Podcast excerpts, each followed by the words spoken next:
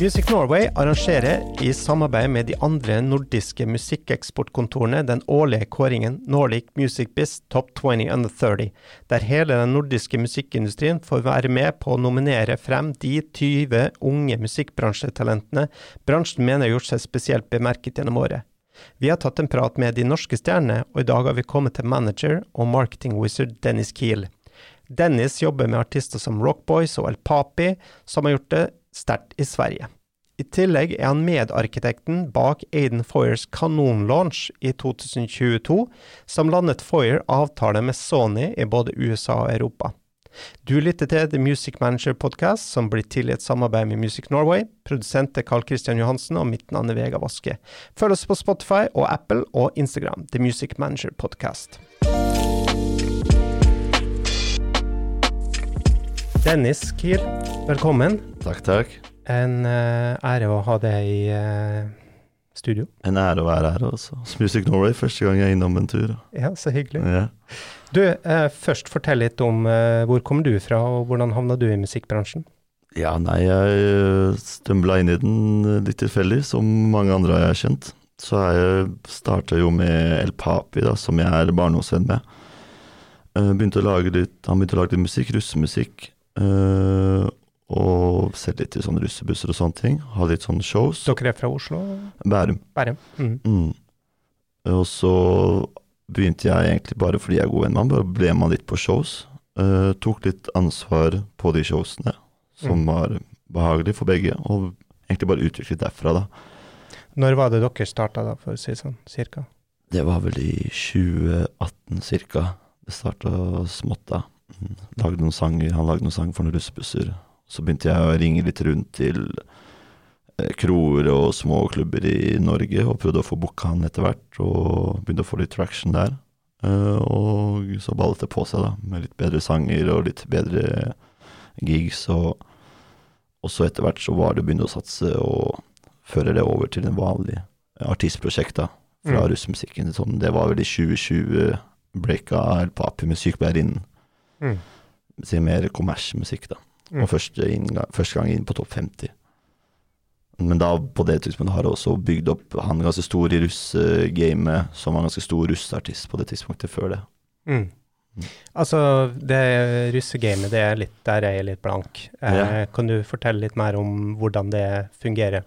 Absolutt. Så der er det jo artister da, som selger, eller starter som regel med Man bør i hvert fall starte med å gi ut låter til diverse russegrupper. Uh, og, og, etter hvert, nå, hvis de låtene gjør det bra, uh, og du begynner å bygge et brand rundt det, så kan man jo begynne å selge låtene til russegrupper og få ganske greit betalt for det. Og da selger du jo egentlig kun navnet på låtene, siden du beholder alle rettighetene selv. Uh, og det er jo for at bussen eller gruppene liker å ha tilhørighet til en artist, eller liksom tenke at en sang er sin, mm. for å kunne egentlig vise det rundt til andre. Eh, og jo større artisten blir, jo mer penger kan man ta for det. da. Og da kommer det jo i tillegg russekroer og andre konsertjobber via det. Så hvis du er en, eh, en artist som lager russelåter, da, mm. så får du har jeg forstått det riktig hvis du da får betalt for å lage en, eh, en sang for en russebuss, men i tillegg så eier du masteren? Det er riktig. Og så trenger du jo, ja, man sier jo russmusikk, men der er det jo også mye forskjellige sjangre, bare i russen også. Mm. Var det mye det som skjedde i 2019-bølgen her, eller Tix var jo vel starten på det, uh, å begynne å profesjonalisere russemusikken og få det inn på det vanlige markedet. Så det er jo det vi prøvde eller gjorde med El Papi, da, som fikk det til å funke på den måten. Og det som er fint med russemusikken, er jo ja, selvfølgelig økonomien. Mm. Uh, gir en pangstart med økonomisk til å kunne skyte i gang en vanlig artistkarriere.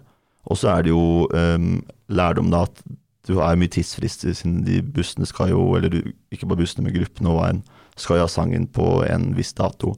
Mm. Så du blir jo satt i en posisjon hvor du er nødt til å bli ferdig med sanger og få de ut, som er en veldig bra ting for å kunne bli bedre og få feedback, da. Som, ja, det er et kjent fenomen hvordan mange bare sitter med sangene sine og ikke får de ut.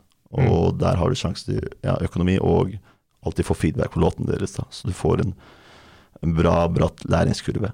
Så russen dem er happy, dem, eh, så lenge de har en låt til bussen sin, og den låta havner på Spotify, som kanskje er litt sånn eh, føles uh, utilgjengelig for dem? Ja, så man har jo bra samarbeid her. Så det er viktig å følge det opp. Og de får være med i prosessen litt med hvordan sangen høres ut, hvordan teksten er, og de vil, hvordan de vil bli representert. Mm.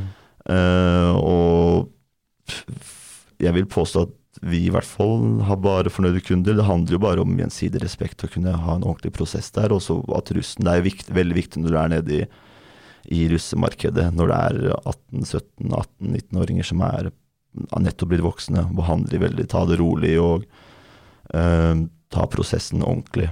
Mm. Uh, fordi det er første gang de er kanskje borti sånn business. Da. Og så lenge du gjør det og har det, gjør det fair, så blir det som regel fornøyde.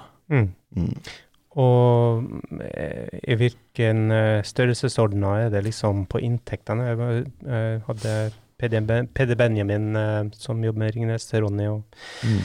Eh, El Papi og Rockboys, som du også jobber med, han eh, nevnte noe om at eh, enkelte altså russeprodusenter kunne liksom tjene oppi 150 000 eh, på, på, hver låt, altså i liksom upfront fees?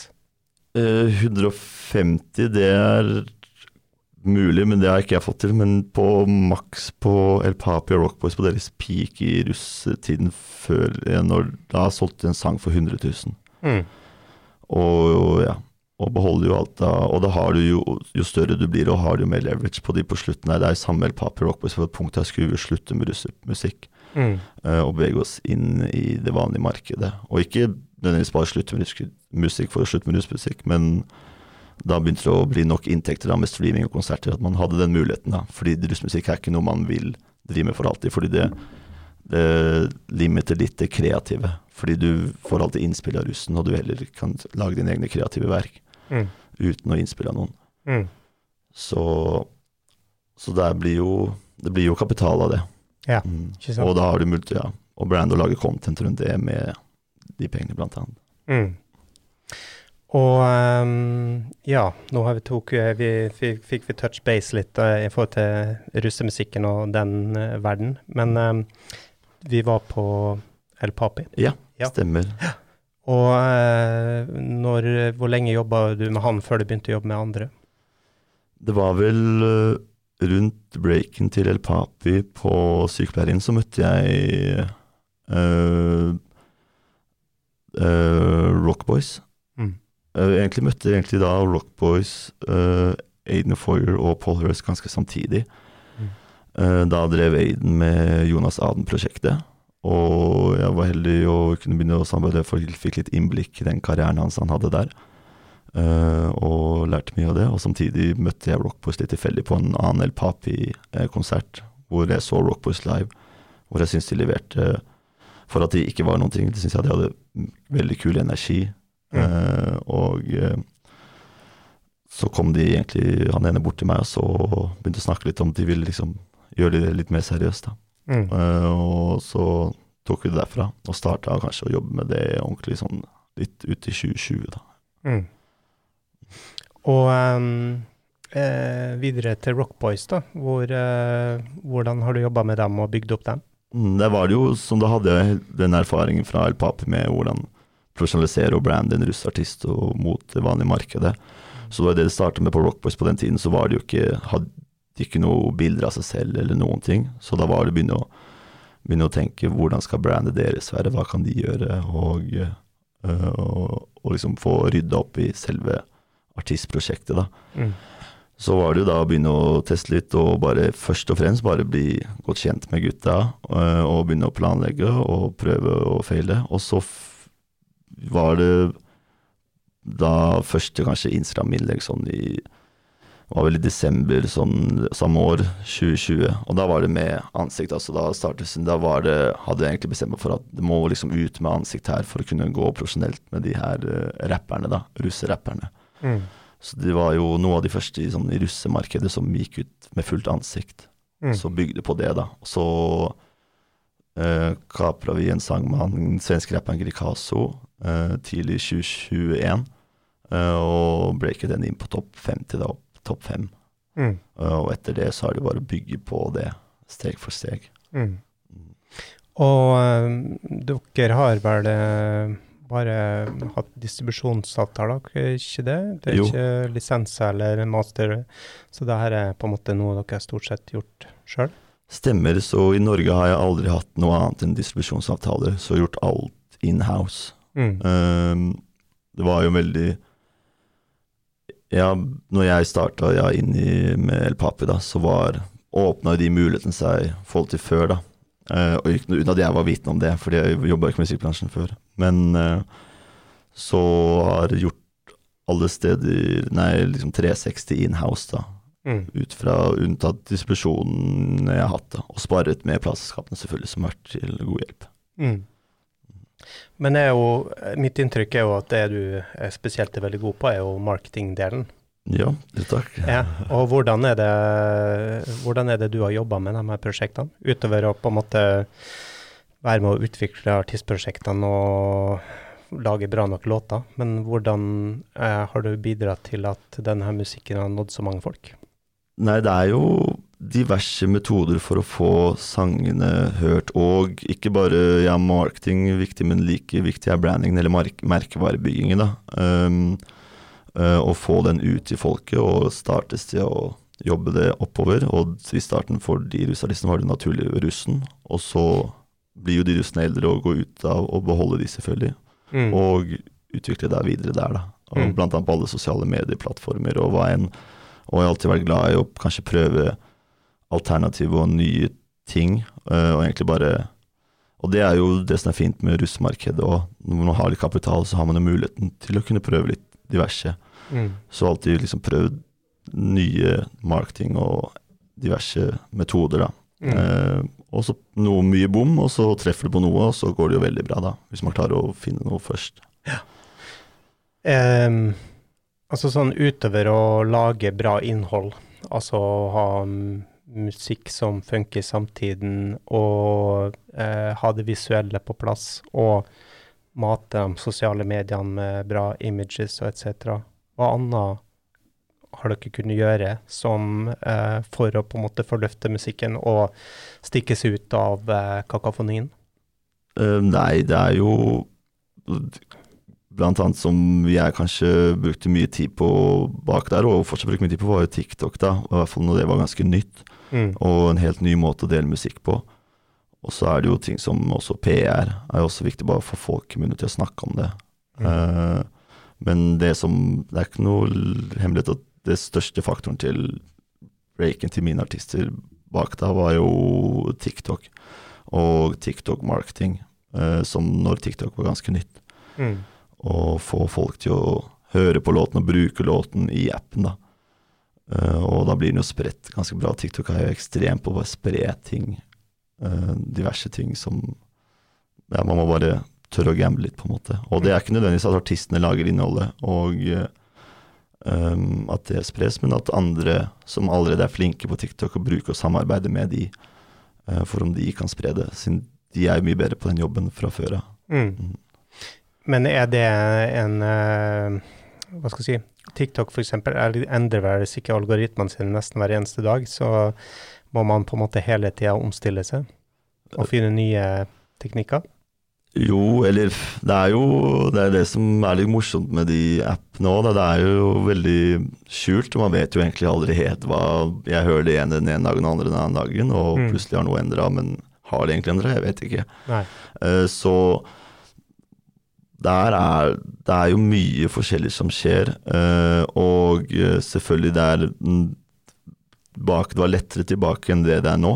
Mm. Eh, om det er algoritme eller ikke, vet jeg ikke. Det vet jo ingen, for så vidt. Men Mm. det som jeg mener har skjedd nå, da, er at nå har jo Da var vi tidlig, men nå har jo alle de profesjonelle aktørene også kommet på TikTok-markedet og forstått at her er det muligheter å reklamere for ikke både musikk, men annet alt mulig annet. Mm. Og da blir jo alt av content på appen, eller appene profesjonalisert. Så du sitter jo nå og konkurrerer mot mye mer profesjonelle markedsføringsbyråer og eh, hva enn, i forhold til før, hvor du kanskje da kun konkurrerte mot eh, andre som lagde dansevideoer, da. Mm. Så konkurransen har jo bare økt jo større appen blir. Ja, og er man litt der at uh, hva skal jeg si, de store kommersielle aktørene sin innflytelse og fokus mot TikTok gjør at eh, eh, de gamle eh, hva skal jeg si, verktøyene ikke funker lenger, fordi at TikTok også blir veldig orientert med å, misforstå meg rett, please dem som kan putte mest penger inn? Ja, både og, men jeg syns fortsatt de har, er flinke til å kunne til å please bra uh, content. Jeg føler det er liksom kjernen til TikTok, at de pleaser hva folk vil ha. Og mm. den algoritmen, hvordan, uh, hvordan, man får opp det man har lyst til å se. Mm. Jeg føler ikke den er borte. jeg tror vi hadde merka det ganske bra hvis det hadde kun vært at de hadde kunnet gått for ads. Man har jo den ad-spend-muligheten også. Mm. Men der igjen går ikke contentet bra fra før, uh, så uh, funker det ikke noe spesielt bra i ads heller. Ja. Da kommer det jo på sånn type hatkommentarer eller hva enn, og det får ikke så mye traction. Mm. Og der også Jeg ikke, bruker ikke så mye ads, men jeg har brukt litt her og der. Og der er det Der passer jeg på Jeg bruker ikke ads på noe som allerede fungerer bra. Mm. Så lager noe bra content, eller noe som fungerer bra på TikTok, ok, ser jeg at det funker bra, og det får mye likes og shares og hva enn, Mm. Så putter jeg ads på det. Mm. Jeg putter ikke ads fra start.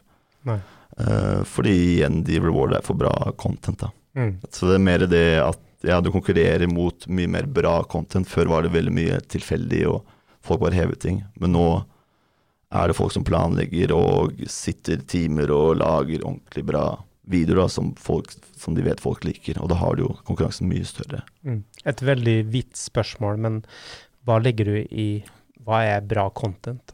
Det kan jo være Det differerer jo fra, veldig fra artister og fra influensere og hva enn, da. Mm. Uh, og så er det så veldig, og selvfølgelig mange målgrupper på TikTok, så det må jo være noe som fanger seeren i det segmentet du vil fange de i. Og det er om det er danser, dans eller om det er infovideoer, eh, det kan være veien. Men det som er litt kjennetegnet, er jo selvfølgelig at det må liksom snappe litt fort, og du må få liksom litt kjapp informasjon, da. Du må ikke la folk gå lei. Mm. Men uh, hvis man sier at man har uh, en bra artist, man har bra content, eh, får man det da til å fly bare hvis man har noe liksom bra content, eller er det også en, en sånn at du må um, ha kvantitet i tillegg? kvantitet hjelper jo alltid, men det er jo ikke et must. Men selvfølgelig, man skal jo prøve å være tilgjengelig uh, hele tiden og minne uh, forbrukerne på at her jeg eksisterer. Mm. Uh, så kan det anbefales, men ikke alltid et must. Men det sies jo at selvfølgelig TikTok rewarder hvis man poster ofte, men det har jo veldig godt initiativ til å si det også. Så det er, igjen, det er jo noe man ikke vet 100% men jeg vi har merka å ikke poste på en stund, og så poster du en bra video, så går den viralt plutselig. Så ting kan gå overalt her og der. Mm. Mm. Men eh, litt tilbake til eh, se med eksportøye her, da. Altså mm. Rockboys og El Papi de har jo gjort det veldig bra i Sverige. Hvordan, uh, hvordan har dere fått det til å skje? Mm, stemmer, så den har vi jo hatt El Papi hadde jo den ja, kjappe hjerteløs. Sykepleierinnen var jo også for så vidt på topp 50 i Sverige. Mm. Eh, og Hjerteløs også, og Rockboys har jo også Nå har de en sang på 29.-plass i Sverige, og Pika på 26., og uh, eh, 94 i Danmark per nå. Mm. Og der er det jo igjen selvfølgelig brukt mye av de samme markedsføringsteknikkene i uh, som man bruker i Norge, i de andre som Sverige og Danmark. Og der, men, kan du fortelle litt om hva er de markedsføringsteknikkene? Mm, der faller man fort tilbake mot TikTok igjen, og selvfølgelig mm. sosiale medier å bygge opp en uh, kultur eller en fangruppe og beholde de svenskene. Og også på live-biten så aktivt har jeg booka artistene mine mye i Sverige, diverse steder, og kanskje noen i starten gratis, og fra priser langt ifra jeg kan få i Norge, men bare for å være tilgjengelig, og så da prøve å hente inn de og få de til å følge med på prosjektene. da. Mm. Og ha med det inne på sine egne sosiale medier som Instagram, Snapchat og hva enn, og følge det opp der og bygge opp fanbasen der. Og så er det jo da igjen trender med TikTok og lignende i de andre landene. Og der er det jo Jeg har også lært opp gjennom at der er det også ganske annerledes uh, kultur. Ikke kjempe, men man må være obs på at der er det, ikke, det er ikke akkurat som i Norge. Man må kunne tilpasse seg litt mer det svenske markedet, hva de kanskje liker å se på TikTok. da. eh, og danske for så vidt. Mm. Og Det må jo innebære at du må sitte veldig mye og analysere eh, de forskjellige markedene. da. Ja, det Mm. tar jo Det er mye analysering uh, og ganske mye tid på det å se hva som fungerer og diverse, og kanskje ta andre sanger og se hva som funket for de. Mm. Uh, og så er det jo, Nå har jeg også begynt å bygge opp med samarbeidspartnere i de diverse landene, da, og det prøvde jeg også å gjøre fra start, og det blir bare mer og mer fordi uansett, eller man skal ikke si uansett, men, men de som bor i landet og liksom har, jobber med det der, kan skjønne markedet mye bedre. Så prøve å få samarbeidspartnere som jobber låten Mm. uh, i de markedene, da, Mm. og segmentene du vil ha de Mm. og få det til å funke. Men det er jo selvfølgelig mye gjenganger her, at ting går fort, og uh, få informasjonen, flyten på videoene uh, kjapt, og få prøve å gi fansen noe tilbake, da, eller noe som du vet de kan like. Mm. Fordi ja, folk er jo Eller folk snakker mye om attention span. Og jeg vet ikke, jeg tror det handler kanskje mer om enn attention at det handler mer om at uh, den nye generasjonen er mye flinkere uh, at, å se hva de liker, raskere. At det tar veldig kort tid uh, for nye generasjonen å se hva de liker. De skjønner ok, det her lik, det er ikke spennende, ok, det skjønner jeg er spennende. Enn at det handler om at de har så kort attention span. Mm. Jeg tror det er mer det det står på, og da er det viktig å bevise det tidlig at i en sånn type trend eller musikk, da, at de liker det. Mm. Så et sånt eh, panel på Iceland Airways som hadde tittelen 'Attention Wars'. Ja. Det var egentlig kanskje ganske litt sånn eh, beskrivende, med at uh, man, det er litt sånn kamp om, alle, og- om, om oppmerksomheten. Da. Mm. da må man være eh, tikke veldig mange forskjellige bokser samtidig for å kunne lykkes. Mm. Altså, kriger jo om oppmerksomheten til ekstremt mange, og mot ekstremt mange hele tiden. Mm. Vi lever jo det er ikke noe, vi lever jo av oppmerksomheten i folk. Uh, har vi ikke oppmerksomhet i folk, så streamer vi ikke, og vi selger ikke konserter. Og, Mm.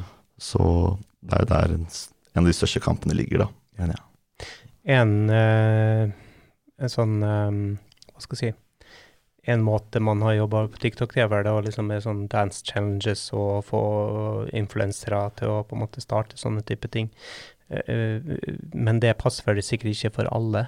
Hva slags eh, eh, approacher kan man bruke som, altså på TikTok for å engasjere publikummet, da? Mm, og så som artister som kanskje selv er vanskelig å starte med TikTok, er jo ikke nødvendigvis, og det er med mine artister, og det er, trenger ikke nødvendigvis å poste altfor mye selv. Det er ikke det jeg mener i hvert fall med at du må være på TikTok. Du kan også, eh, ja, som sagt, som snakker om influensere som bruker sangen din og få andre til å gjøre, skjønner at ikke alle vil bare gå og blotte ansiktet sitt og danse på uh, TikTok. Um, men få andre til å kanskje gjøre det og lage trends eller hva enn med det, da. Uh, og selvfølgelig hjelper det da at du backer opp selv med noe content når ting funker, da. Uh, begynner å gå i vinden, fordi da, da Hvis først en sang er i vinden, og så kommer det content av deg, artisten, Mm. så klarer folk å koble deg til artisten, som er veldig merkevarebygging igjen, da, til den trenden. Hvis du ikke kommer med noen ting selv da, eh, så blir det bare en sang de, eh, som setter seg fast, og ikke at de kobler sangen med artisten. Mm. Og det er mye veier å gå her. Man tenker jo fort dans, men det kan være at du sitter og snakker om uh, låtskriving, for all det mange syns det er spennende, og ting liksom behind the scenes. Uh, at du bygger en, får noe connection der, eh, og snakker om hva enn, egentlig. Eh, det er, så det er jo å ha muligheter å sammen med andre influensere, må ikke være dans, det kan være tilfeldige sånne reisevideoer hvor sangen passer bra, og klipper til sangen, f.eks. Og det er fantasien setter grenser da, på hva man kan liksom lage og prøve å lage ut av det. Og så er det jo ofte, og jeg har også likt opp gjennom å lytte til de som er flinke på TikTok, så de må kanskje kjøpe tjenester av, og la de få litt kreativ frihet. Uh, fordi de kan som regel best, hvis de er allerede gode på TikTok. Mm. Høre, jeg, er veldig viktig òg, kanskje, ja, høre på hva andre har å si, da, hvis de er drevne på feltet, Mm. enn å overstyre de, siden da kan det bli litt uorganisk. Og folk er ikke fan av uorganisk. uorganisk. Men um, har, dere har jo også gjort en del uh, uh, samarbeider opp mot Sverige med bl.a. Rock Boys nå med, med 23. Stemmer. Um, og um, hva slags mervirkninger ser dere at dere får gjennom den type samarbeid?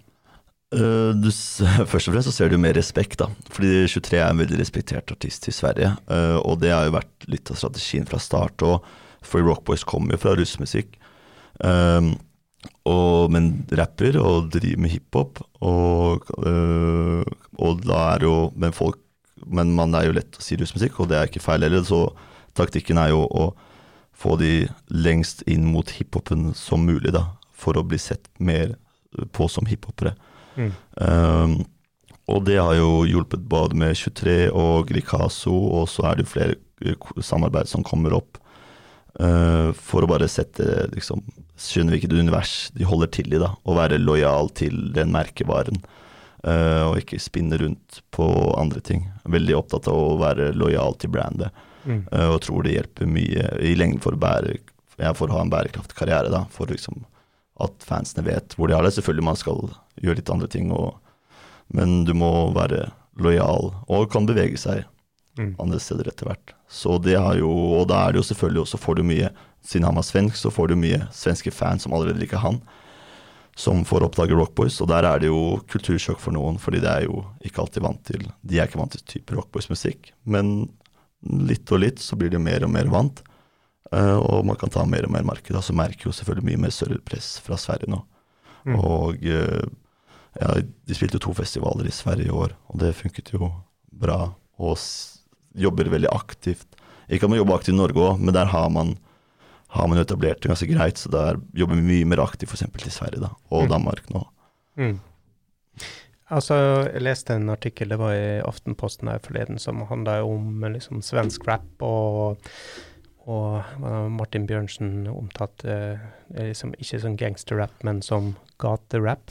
Um, og eh, altså svensk gaterap, da, der 23 var liksom nevnt i en av de mest eh, respekterte artistene der, men også som ligger i det Hva skal jeg si i, i gangsterlandskapet i, i, Sverige, da.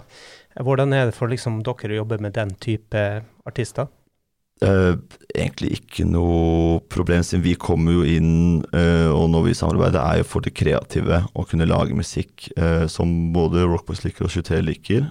og vi har forskjellige brand, og, men det er lov, selv om man lager musikk sammen. Og har man respekt for de, så har de respekt for deg. Mm. og veldig greie folk, egentlig.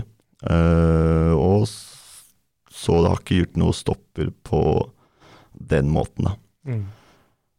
Ser dere for dere liksom at uh, Altså um, den her uh, hva skal jeg si, Du skal kalle det liksom en uh, putter i en sekk da, og kalle det uh, russemusikk med på en måte liksom som har utvikla seg, da, som kanskje mm. Rock Boys er i. så har jo den primært vært et norsk konsept som har begynt å bleed over inn i Sverige, og jeg syns det er veldig interessant at Norge har jo det har jo vært vanskelig å måte få svenskene til å høre på norsk musikk, men dere har lykkes med Rock Boys og, mm. og El Papi og Ringnes-Ronny har gjort det veldig bra der. Mm. Um, ser du for deg at hva skal jeg si, den type sjangeren og uh, stil kan også passe i andre uh, territorier, som, altså som ikke uh, skjønner nordisk? Mm. Altså kunne det Ja, det er jo hvordan, eller Hva tenker du med russmusikk, f.eks.? For, for eksempel, hvis man blander eller sammenligner Rockboys og Ringnes Ronny, så er det jo veldig forskjellig. Ja. Og den nye låten nå til Rockboys med 23 mm. er jo en remix av 23 sin hit, så det mm. er jo, og han er jo helt klart hiphop-rap. Mm. Så jeg kaller det jo hiphop-rap, mm. selv om de kommer fra russmusikk. Mm.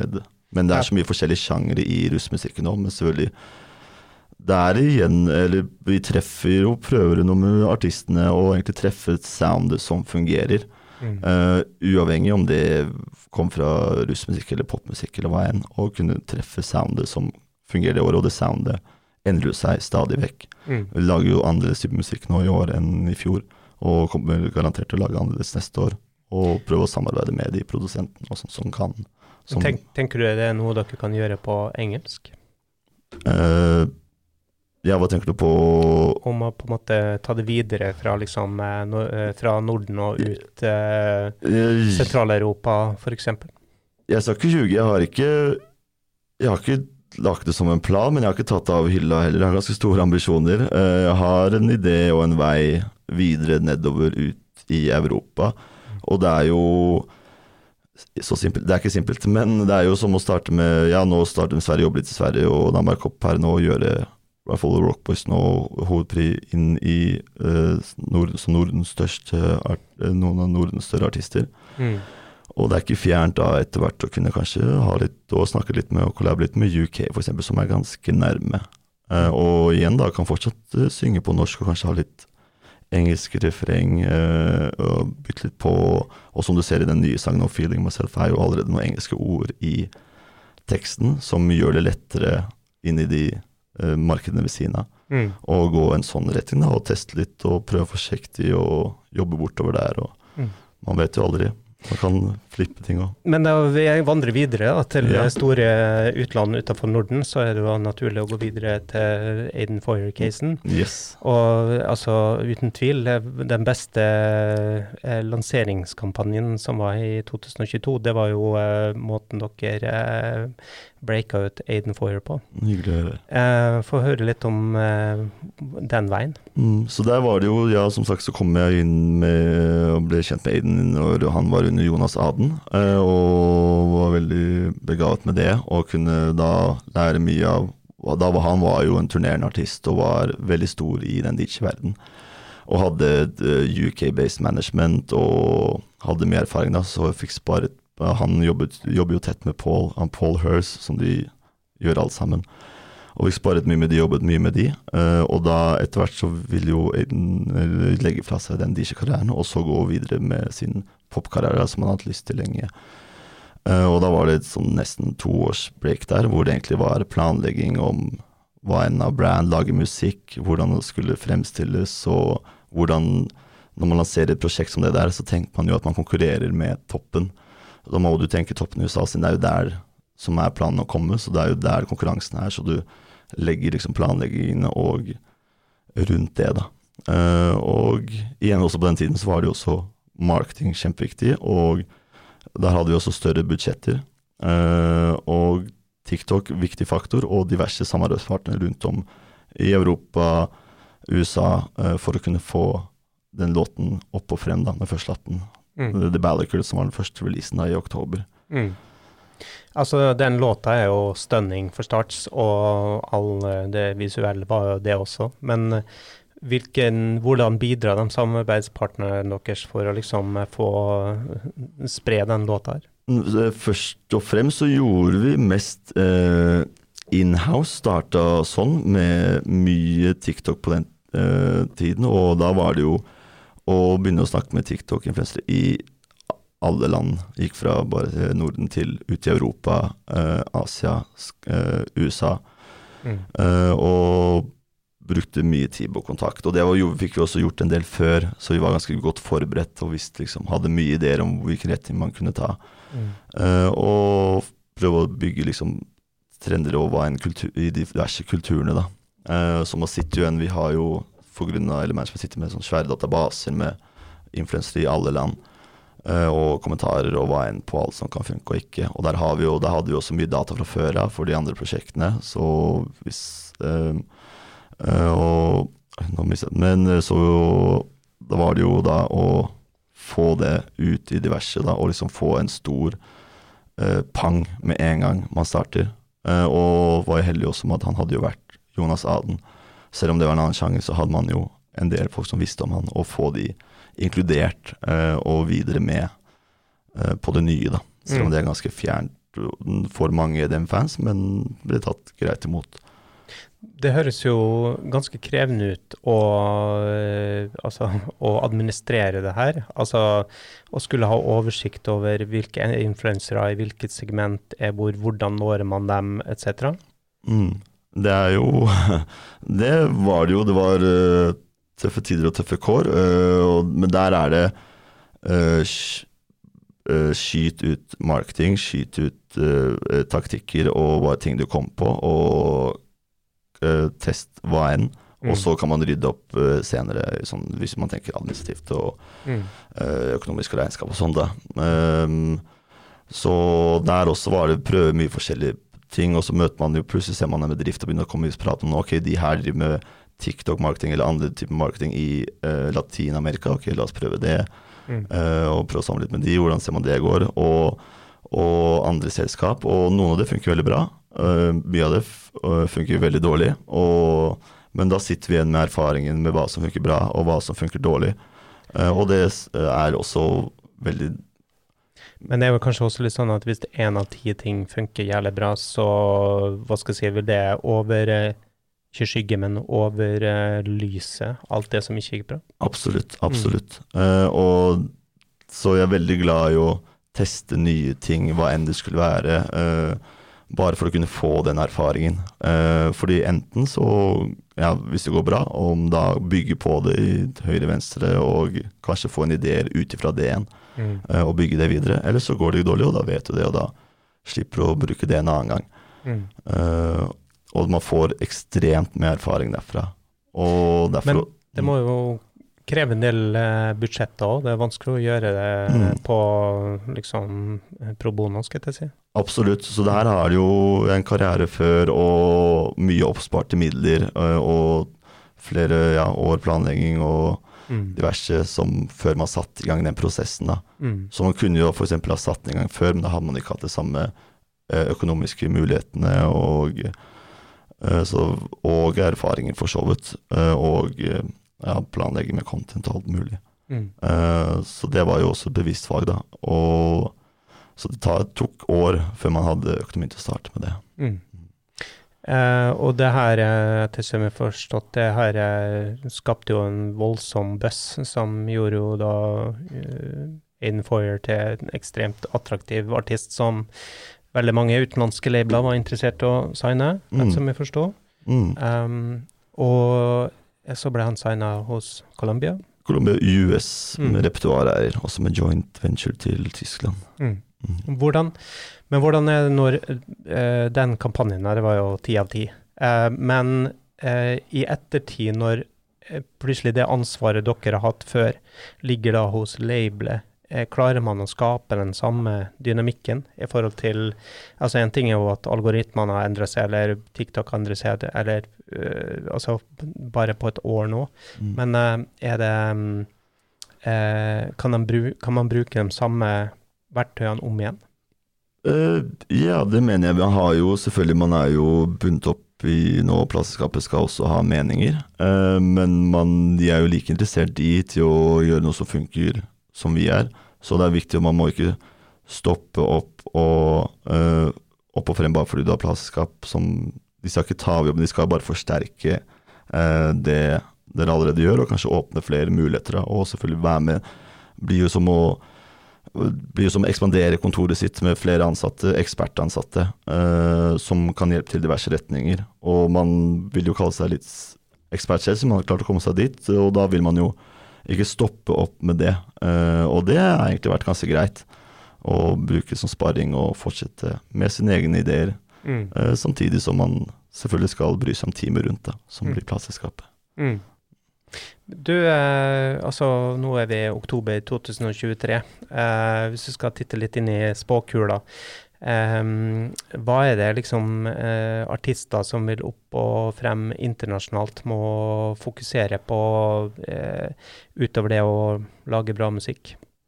Eh, merkevare er alltid nesten førstepris som får skille seg ut, eller det er jo døvt å si bare skilt seg ut, men bare en eller annen form for merkevare som, som du selv er eh, kan identifisere klarer nesten å snakke, men ja, eh, kjenner deg igjen i, og som også eh, andre kan kjenne seg igjen i å bruke det for det svært. og så starte smått, og det er lett samle prøve å samle folk, eller hva enn, som er gjenkjennelig med de merkevare, og så bygge stein for stein utover det, da.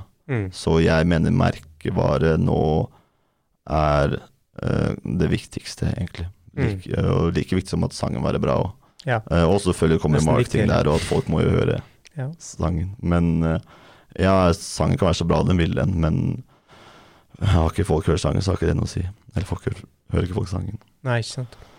Men er det um, eh, Hvordan ser du for deg eh, Vil de eh, plattformene man nå har, eh, som har dominert de siste årene, Spotify, TikTok, Instagram, YouTube til dels, eh, tror du de vil bestå, eller ser du noen andre hva skal jeg si, plattformer eller eh, kanaler som man kan bygges opp gjennom i de nærmeste årene? Mm, Så vil jo nesten anbefale Det er jo liksom Man må jo prioritere tid der, men jeg vil jo anbefale egentlig å bygge opp i det meste. Eh, fordi det er bare muligheter for å kommunisere og ha diverse folk i diverse grupper. Om det skulle være eh, Instagram, Snapchat, eh, SMS-marketing. Veldig, anbefaler veldig. Det er veldig direkte kommunikasjon med fans. Eh, Discord, der er eh, Jonas ekstremt flink. Bygd opp en Discord på Jonas Aden, som også fortsetter nå i det forrige prosjektet. Mm.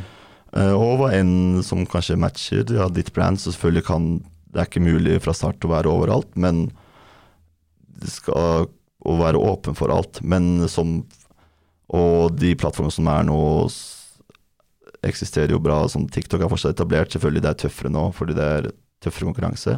Mm. Eh, og hva fremtiden bringer du, det det vet jeg ikke, men jeg er alltid aktivt på jakt og følger med hva som kommer, og så veldig glad i å være tidlig ute. Eh, men jeg, har ikke noe idé Mm. nå, nei. Nei. Men uh, følger aktivt med, og skal hoppe på det med en gang jeg tror jeg ser det. Mm. Gøy. Du, tusen takk, Dennis. Det her var veldig interessant. Jo, takk for å få komme. Jo. Veldig hyggelig. Takk, takk.